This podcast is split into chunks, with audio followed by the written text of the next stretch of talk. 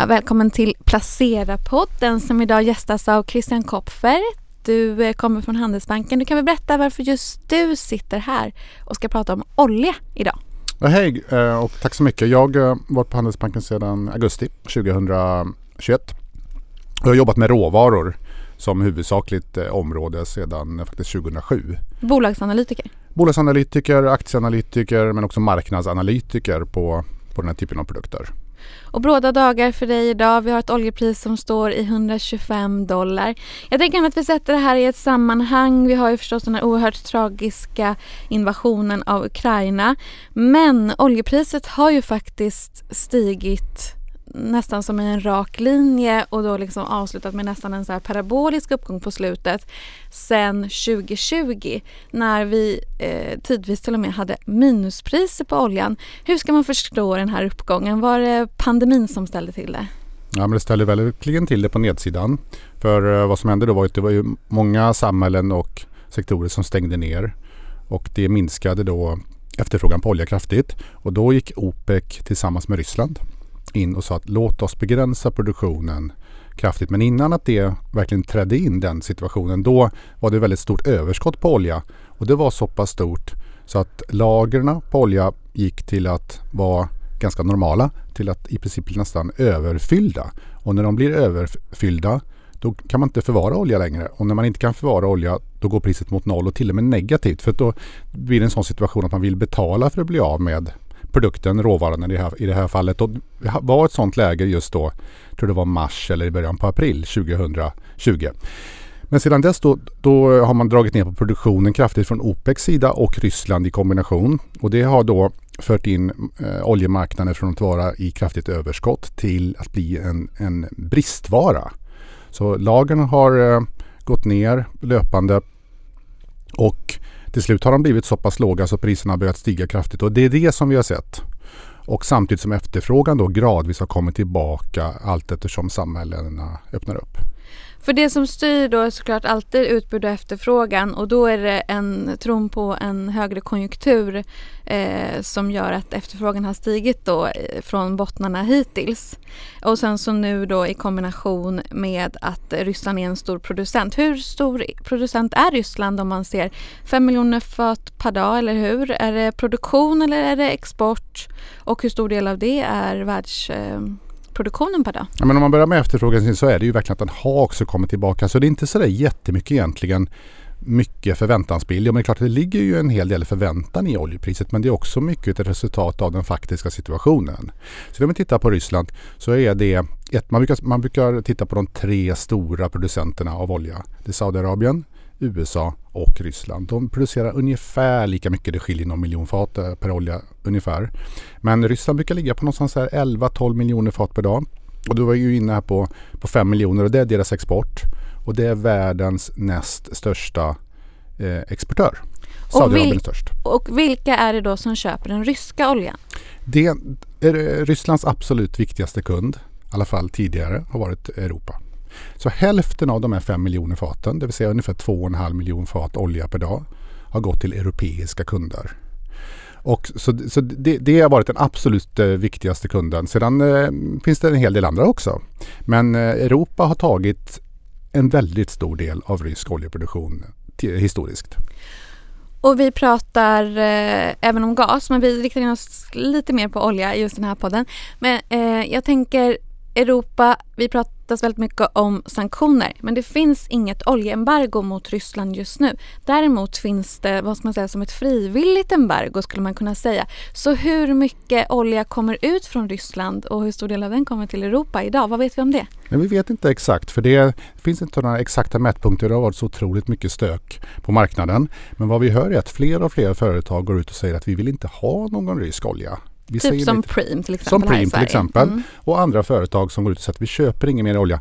Till exempel SSAB var ute och, pratade om, nu var det, handlade det om järnmalm. Men den typen av aktioner och reaktioner ser vi från flera och fler företag. Man säger att man vill inte köpa några ryska råvaror. Eh, det spelar ingen roll om det handlar om järnmalm eller om det handlar om olja. Man vill inte ha, man, man pratar om man vill inte ha blod på sina händer. För man ska ju komma ihåg en sak att om man tittar på det priset som var för några veckor sedan. Då var det ungefär på 100 dollar per fat. Då var den europeiska betalningen till Ryssland i aggregerad form då, ungefär 100 miljarder dollar per år. Och då kan man säga att det är ju väldigt mycket pengar som då indirekt naturligtvis finansierar då det ryska krigsmaskineriet kan man säga. Och den situationen har ju gått upp för många företag så att det vill inte de vara en del av. Och det som man pratar om, det, kanske det frivilliga embargot. Problemet är ju då att då måste man ju köpa den oljan någon annanstans ifrån. Eller så får man då sluta använda olja och då, då, men då blir det mest att då får man försöka leta någon annanstans. Och vad har det för betydelse att vi just nu går mot varmare tider i Europa? Mer på gas, mindre på olja. För olja används en del till uppvärmning och en del till elektricitetsproduktion men väldigt mycket är drivmedel och plaster. Och, och, jag tänker om man sätter det här i ett sammanhang, om man inte är van att följa oljepriset och så tänker man att det är väldigt mycket prat i elbilar, eh, känner man ens någon som har en oljepanna hemma och så vidare och så vidare. Eh, men varför är oljan så viktig i världsekonomin och vad är det för liksom andra spridningseffekter som oljan får? Inflation till exempel. Ja, men just det, men det är ju, det är ju ofta nästan alltid två stycken ben i en råvara. Det ena är utbudet och det andra är efterfrågan. Och tittar vi först på utbudet så har det faktiskt var, varit mycket betydligt lägre rent hur mycket som man investerar. Så investeringarna i ny oljeproduktion är nu på 2020-talet betydligt lägre än vad var på, på eh, runt 20, 2015 eller mitten på 2010-talet. Så investeringarna har gått ner kraftigt och det är ju också en situation som många tycker är bra. Man vill investera mindre, fonder eh, investera mindre kapital i oljebolag och det, det, blir mindre och mindre kapitalflöden in i oljesektorn. Så investeringarna går ner och det tycker många är bra. Problemet är ju då att, att konsumtionen av olja är snart så hög som aldrig varit så här hög. Och då kan man dela upp den i två, i två ben. Det ena är då man kommer från det man kallar för OECD-länderna. Det är 39 länder om jag minns rätt. Det handlar ju mycket, det är Europa, Nordamerika, Australien, Japan och några länder i Sydamerika. Där minskar konsumtionen av olja. Kanske inte riktigt, riktigt lika mycket som man vill eller som många politiker och som samhällen vill. Men det minskar och kommer fortsätta minska. Men det ökar kraftigt i övriga delen av världen, framförallt på tillväxtmarknader, mycket Asien. Och det ökar så pass mycket att så på totalen så efterfrågas det snart mer olja än vad det någonsin har gjort tidigare. Och för några år sedan pratade man ju ofta om peak oil. När beräknas man, räknar man att det händer nu då? Ja, men tidigare har man ju pratat, när man pratat om peak oil tidigare så har det oftast varit att världen kommer inte klara av att producera mer eh, olja än en viss, eh, en, en viss siffra. Och den har man ju faktiskt fått backa på för det har kommit in annan olja, typ av olja. Tekniken går framåt. Tekniken går framåt. Skifferolja är inte sån där jätterolig olja att sätta, sätta i spel men, men amerikanerna har varit ganska duktiga på att, eh, att eh, jobba med den tekniken. Men sen har man pratat om när det gäller peak oil på efterfrågesidan.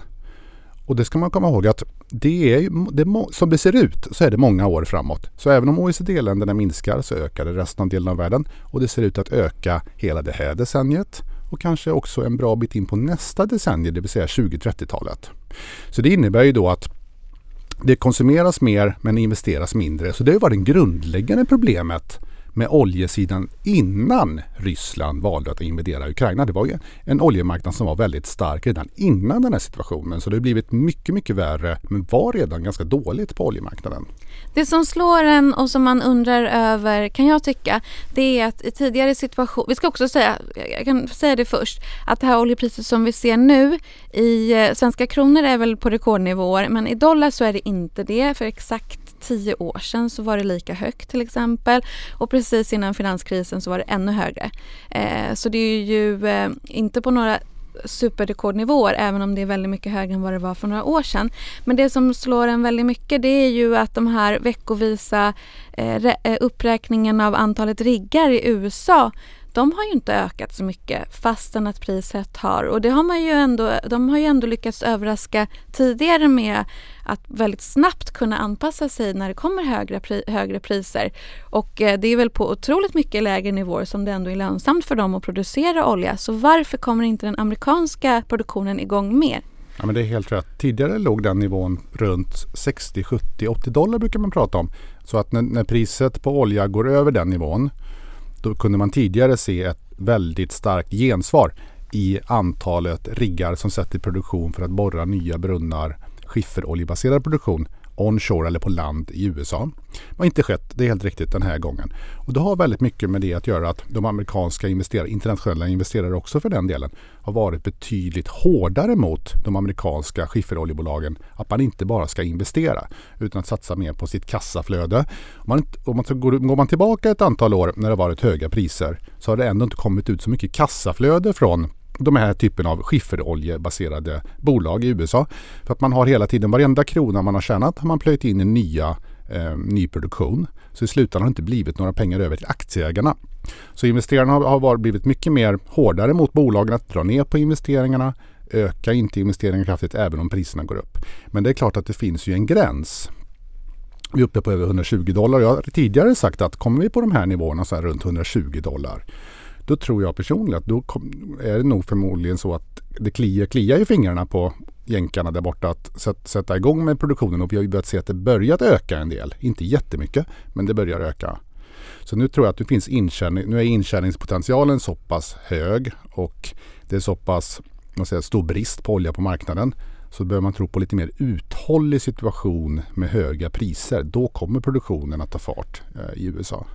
Och vi har väl driving season också. Den brukar, det brukar väl dra upp priserna och den, in, den kom, det är väl några månader? Brukar man säga är typiskt rätt sett runt sommarmånaderna och det är också en, en, en viktig faktor. Men det var en faktor som var betydligt viktigare eh, förr i tiden. För USA då stod, stod för så pass stor del av den totala oljekonsumtionen eh, i världen. Idag är tillväxtmarknaderna betydligt viktigare, till exempel Kina. Och där har du inte den här driving season på samma sätt då. Men, men, men eh, visst absolut, säsongsmässigheten finns ju kvar men den är inte lika viktig som tidigare. Om vi då går tillbaka till den här geopolitiska som ju är så svår att förutse men som man ju, man pratar om olja, inte kan bortse ifrån. Till exempel Kina då. Eh, de, är det de som köper nästan all rysk olja nu eller hur funkar det? Nej, och, och vad är det för rabatt på den ryska oljan? Det undrar man också. Väldigt hög rabatt. Ryssland vill ju naturligtvis eh, sälja sin olja och Eh, när vi höjde den senaste rabatten så var den ungefär 20 procent. Från att tidigare varit väldigt låg. Så om vi tänker att oljepriset låg på 120 dollar ungefär så kunde de sälja sin dollar för motsvarande då ungefär 100 dollar. Så ungefär 20 procent rabatt. Men det hjälper ju inte om, för det är så pass mycket politiskt och moraliskt dilemma i i, från köparsidan. Och hur är det med fraktfarty alltså fraktfartygen, hamnarna? Vad spelar det för roll i den här situationen? Ja, men det spelar roll för att om europeiska köpare vill skifta om att köpa mer från andra leverantörer då, är, då blir det längre frakter, det blir dyrare frakter. det är inte så att man har valt eh, eh, Ryssland som en leverantör bara för att man jättegärna vill ha just Ryssland utan det har ju eh, väldigt mycket av ekonomiska skäl att göra. Men du var inne på det här Elinor. Kina är en viktig köpare ändå av rysk, av rysk oljeproduktion. Och jag tror att den kommande perioden så kommer nog förmodligen Kina att få spela en ännu viktigare roll när det gäller just köparen av, av rysk energi. Naturgas men också olja. För att då eh, att man får den oljan till ett bra pris eh, och att det också då kommer hjälpa världsbalansen. För man ska komma ihåg att Kina drabbas väldigt hårt av den ekonomiska, rent ekonomiskt. de importerar väldigt mycket olja. Så de vill ju inte se att oljepriset skenar iväg. Då har de, ingen, har de ingenting att tjäna på, tvärtom. Så att, men vad som kommer hända med, frakt, med fraktkostnaderna är att de kommer öka. Europeiska företag kommer få ökade kostnader. Inte bara just för att oljan går upp men också just för att man måste använda mer frakt, eh, fraktkapacitet. Och om man då eh, tittar på oljan så brukar vi prata om bränt, prata om VTI. Det här är Uralolja. Är det någon särskild kvalitet på den och hur följer den eh, de andra två priserna? VTI brukar ligga lite under bränt till exempel. Ja men exakt och det finns väldigt eh, många olika kvaliteter och man brukar nästan alltid prata om just bränt. Det är ju eh, det typiska definitionen på Nordsjöolja eller, no eller norsk olja. Så man pratar om VTI som är då den eh, lite mer sötare Texasoljan med lite mindre svavelhalter. Och så finns det Arabi, Arabica Light till exempel. Det, det, är den arabiska oljan. Och Ural då till, som är en, den ryska varianten. Det skiljer sig lite grann i kvalitet. Det är olika föroreningar. De, de är inte exakt lika varandra. Så beroende då på efterfrågan från raffinaderier och från länder så skiljer sig då priserna däremellan. Men det brukar inte vara sådana jätte, jätteskillnader. Men det kan skilja ibland så 10 något sådant. Sen finns det vissa olja, till exempel från kan, eh, kanadikerna. Oljesandsbaserad produktion som har varit väldigt svår att hitta raffineringskapacitet. Då kan det skilja mycket, mycket mer. Så att det beror lite på. Men det, oftast är det kvalitetsskillnader. Men det brukar inte vara så superstora kvalitetsskillnader. Och eh, om man då tänker sig, hur svårt är det att ställa om för Europa att börja importera eh, olja från andra länder? Eh, för visst är det så att raffinaderierna måste ställa om Exakt. när det är olika typer av olja? Precis så är det och det görs inte i en handvändning. Men det är klart att om till exempel Saudiarabien, om vi tar det som exempel, om, om de helt plötsligt skulle ha massor med ledig kapacitet så skulle, så skulle det vara en ganska bra situation då för eh, Europa som köpare. Det, men tyvärr så är, är Saudiarabiens olja redan såld. De är, till exempel Kina vänder sig mycket till, eh, till Saudiarabien och det, det är en olja som är väldigt eftertraktad på marknaden som har låga orenheter i sin, i sin natur. Och, så att det, det, är inte så att det finns helt plötsligt massor med miljoner fat ledigt för européerna att plocka upp. Och det är ju det vi ser nu är det grundläggande problemet för att priserna går upp så pass kraftigt. Att köpare vänder sig till andra leverantörer men de leverantörerna finns inte. Och då blir det här marginalkostnadsresonemanget, det vill säga priserna går upp så pass mycket så att um, tills man nog hittar, hittar en så att säga, säljare då. Och vi pratade om ett frivilligt embargo men eh, vad säger du om utsikterna för att det faktiskt blir ett USA och eller EU oljeembargo? Kan, och kan det bara bli för oljan och inte för gasen? Nej, men jag tror om vi tittar på från USAs perspektiv så vill man då, både, man, både, vill man då ha det både på gas och olja. För USA är ju inte så jättepigga på att Europa har ett väldigt starkt band till Ryssland. De har ju varit emot egentligen från första början. Så man vill ju hellre att Europa ska köpa sin gas från eh, amerikanska producenter. Men hur lätt är den att frakta från en annan kontinent då? Inte alls lika lätt och betydligt mer jobbig. Så att gas är ju naturligtvis då i sin form gas, eh, en, en, i en gasform. Så det vill säga ska du frakta den då över längre sträckor in, inte genom pipelines så måste du kyla ner den så att den blir flytande. Och det kräver betydligt mer infrastruktur och annan teknik än till exempel frakta olja. Så den eh, är mycket jobbigare. Jag också får då investera kraftigt i stora pipelines och långa pipelines. Och det är ju normalt projekt som tar åratal att få igenom och få tillstånd för etc. Det var ju väldigt mycket prat om Nord Stream 2 då. Som skulle då underlätta Europas situation i gasförsörjningen från Ryssland. Men nu blev ju den pipelinen stoppad i, i sista sekund kan man nästan säga. Och så det är en väldigt svår situation just på gasen. Olja är mindre svår men det är inte lätt. Men, men det är extra jobbigt för, för gas för Europa att hitta en annan säljare rent praktiskt än, än, än Ryssland. Det talas också om att häva eh, trans, eh, transaktioner, sanktioner och embargon mot Venezuela och Iran. Vad skulle det få för betydelse för utbudet då? Ja men då skulle det underlätta situationen. Man pratar om, om man tittar på uran hur de producerade innan det finns sank sanktioner på sig så är det, det beror lite, lite exakt när du tittar och sådär men en och en halv miljon fat per dag kanske något sånt där. Vissa säger en miljon fat. Eh, tittar man lite mer optimistiskt så kanske man kan klämma ut en och en halv. Så det är ju långt ifrån de här fem miljoner faten som potentiellt sett kan försvinna från världsmarknaden från Ryssland. Så det är fortfarande tre och en halv miljon fat per dag som ska täcka upp. Venezuela är väldigt underinvesterat. Och det, Iran är mindre svårt att sätta fart på produktionen. Betydligt svårare i ett sådant land som Venezuela som är, drabbas, har drabbats av e-, enorma ekonomiska problem de senaste decenniet kan vi säga. Så, men, det, men det är inte så att det är brist på olja i, i, i Venezuela men du har brist på teknologin och du har brist på utrustning för att få upp oljan. Så det, det, tar det lång tid att få upp. Sen finns det möjlighet lite grann för Saudiarabien att öka produktionen. Det finns några andra länder. USA är nog förmodligen skulle jag gissa den, den stora jokern att man kan få upp produktionen. Men då är det den skifferoljebaserade oljan. Och då är det de enskilda bolagen som också ska ta, ta de besluten jämfört med till exempel i Saudiarabien då där någon Staten, Salman ja. Eh, trycker på knappen och säger ja. Exakt. Men vad kommer då OPEC in i det här? Eh, och, och OPEC plus har ju haft jätte det betyder ju alltså OPEC plus Ryssland kan mm, säga. Mm. Eh, de har ju haft en otroligt stor inverkan på att man har kunnat faktiskt hålla nere då utbudet. Men eh, eh, vad, vad, blir liksom Rysslands roll nu i det här? Hur ska man liksom förstå sig på vad OPEC kan göra åt situationen och vilket intresse ligger... Är, är, tycker de att de gillar ju höga priser men är det här nästan för högt för dem eller hur, hur tror du de resonerar? Det är inte för högt. Man ska komma ihåg att om OPEC, eller OPEC plus som, som man har pratat om, det är ju OPEC och Ryssland. pratat om att man vill hålla lägre priser så är det egentligen inte för att man vill hålla just lägre priser per se utan det handlar om att man vill hålla så pass man vill hålla priserna på sån nivå att inte amerikanerna sätter fart på sin produktion.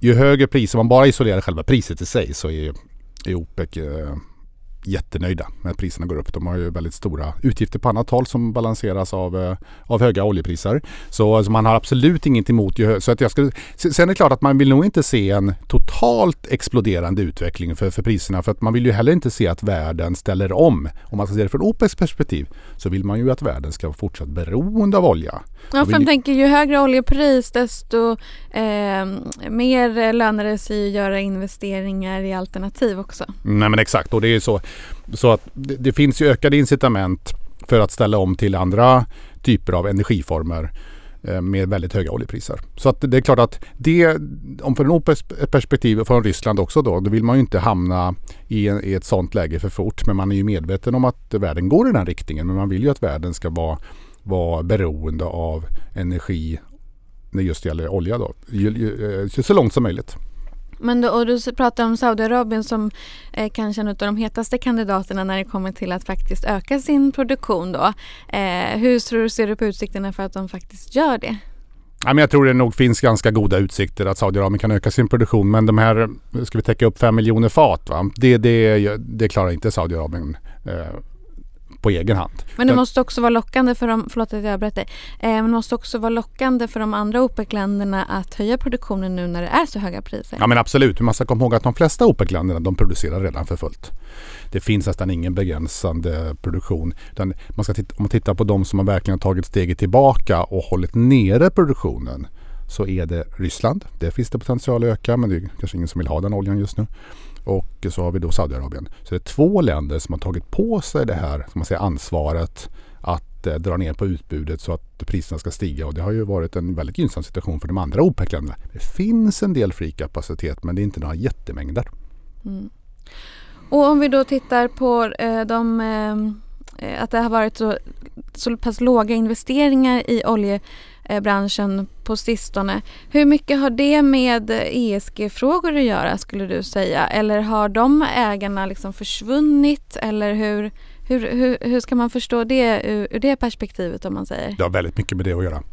För framförallt den typen av investering som kommer från institutionellt kapital. Där har det begränsat jättemycket de senaste säg 5, 6, 7, 8 åren. Det är, inte, det är eh, eh, nästan oräkneligt antal exempel på institutionella fonder. Mycket i, i vad vi kallar för västvärlden då.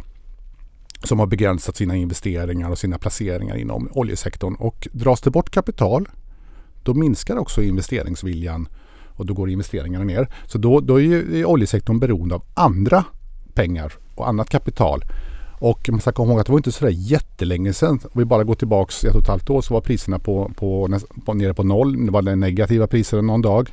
Det har varit en väldigt svår och orolig marknad. Det har ju också bidragit till att det är inte drar till sig så mycket kapital från annat håll. Så det är en underinvesterad marknad kontra den efterfrågan som finns. Och så ser det faktiskt ut att fortsätta. Så det bygger allt, hela situationen det bygger på att världen blir bättre på att ställa om från oljeberoende till andra energiformer. Och när vi tittar på den europeiska situationen med eh, framförallt vissa länder som är väldigt beroende av den ryska gasen. Är det då framförallt alltså konsumenter och privatpersoner eller är det, de här är det företag som behöver, som är väldigt eh, starkt beroende av den ryska gasen. Ja men det är det fast företagen säljer mycket till, till privatpersoner också så det handlar mycket om eh, konsumenter. Det handlar om åkerier, det handlar om transportnäringen överhuvudtaget. Det handlar mycket om plastindustrin. Det finns idag egentligen inte något sånt där jättebra alternativ till att producera plast med fossila Eh, fossila bränslen. Det börjar forskas väldigt mycket på att använda skogsmaterial för att göra plast men där har man inte kommit speciellt långt. Det, det är en, en, väldigt stor utmaning för världen skulle jag säga de kommande, kommande åren. För det är en stor del av oljan som går just till plast, eh, plasttillverkning och syntetmaterial. Kläder till exempel använder mycket olja i sin produktion och det är inte enkelt att, eh, att ersätta det på, på, på ett snabbt sätt.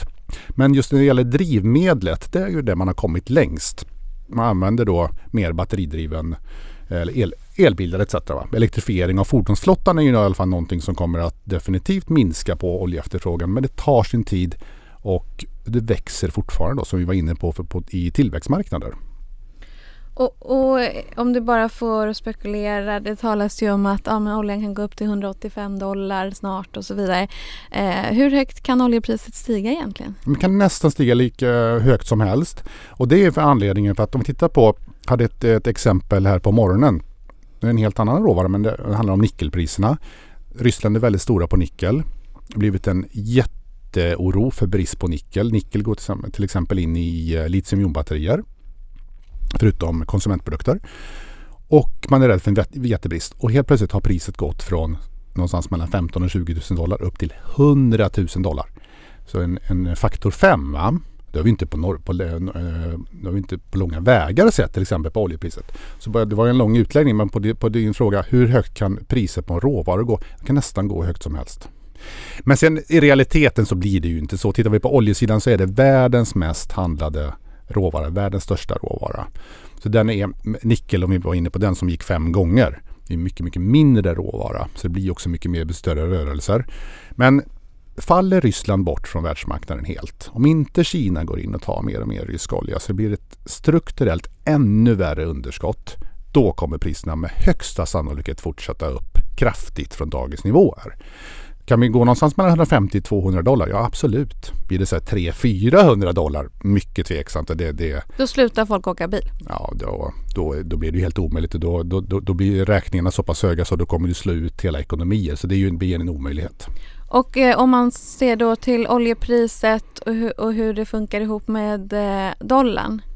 Vad, ska, vad kan man säga om det samspelet? För de är, det är nästan som om man lägger dem mot varandra så är det ju som att de är liksom nästan perfekt i linje ibland. Ja men ibland är det väldigt, eh, är väldigt perfekt. Nu i dessa dagar så är det en annan korrelation. Men om vi tittar på priset i USA, men man pratar om att det högsta bensinpriset någonsin var uppe på motsvarande 11 kronor per liter i USA. Och det är ju ett pris som man brukar kalla för skattefritt. Man har en del moms och sådär. Men, men det brukar man säga det är det bästa exemplet på en skattefri råvara. Ungefär 11 kronor per liter i USA.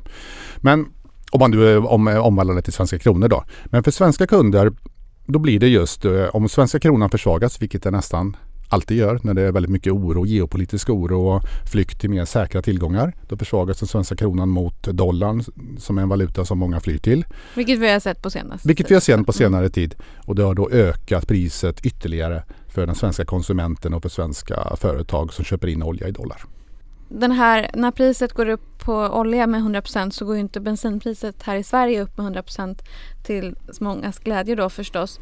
Hur, eh, hur ska man säga, hur stor eh, påverkan har egentligen oljepriset på vårt bränslepris? I procent blir det inte lika mycket men man, det blir lite lurigt att just prata om procent för att det är så pass mycket skatt på, på olja i, i Sverige. Inte bara, det är ju mycket skatt på olja i Europa också. Men om vi pratar Sverige specifikt.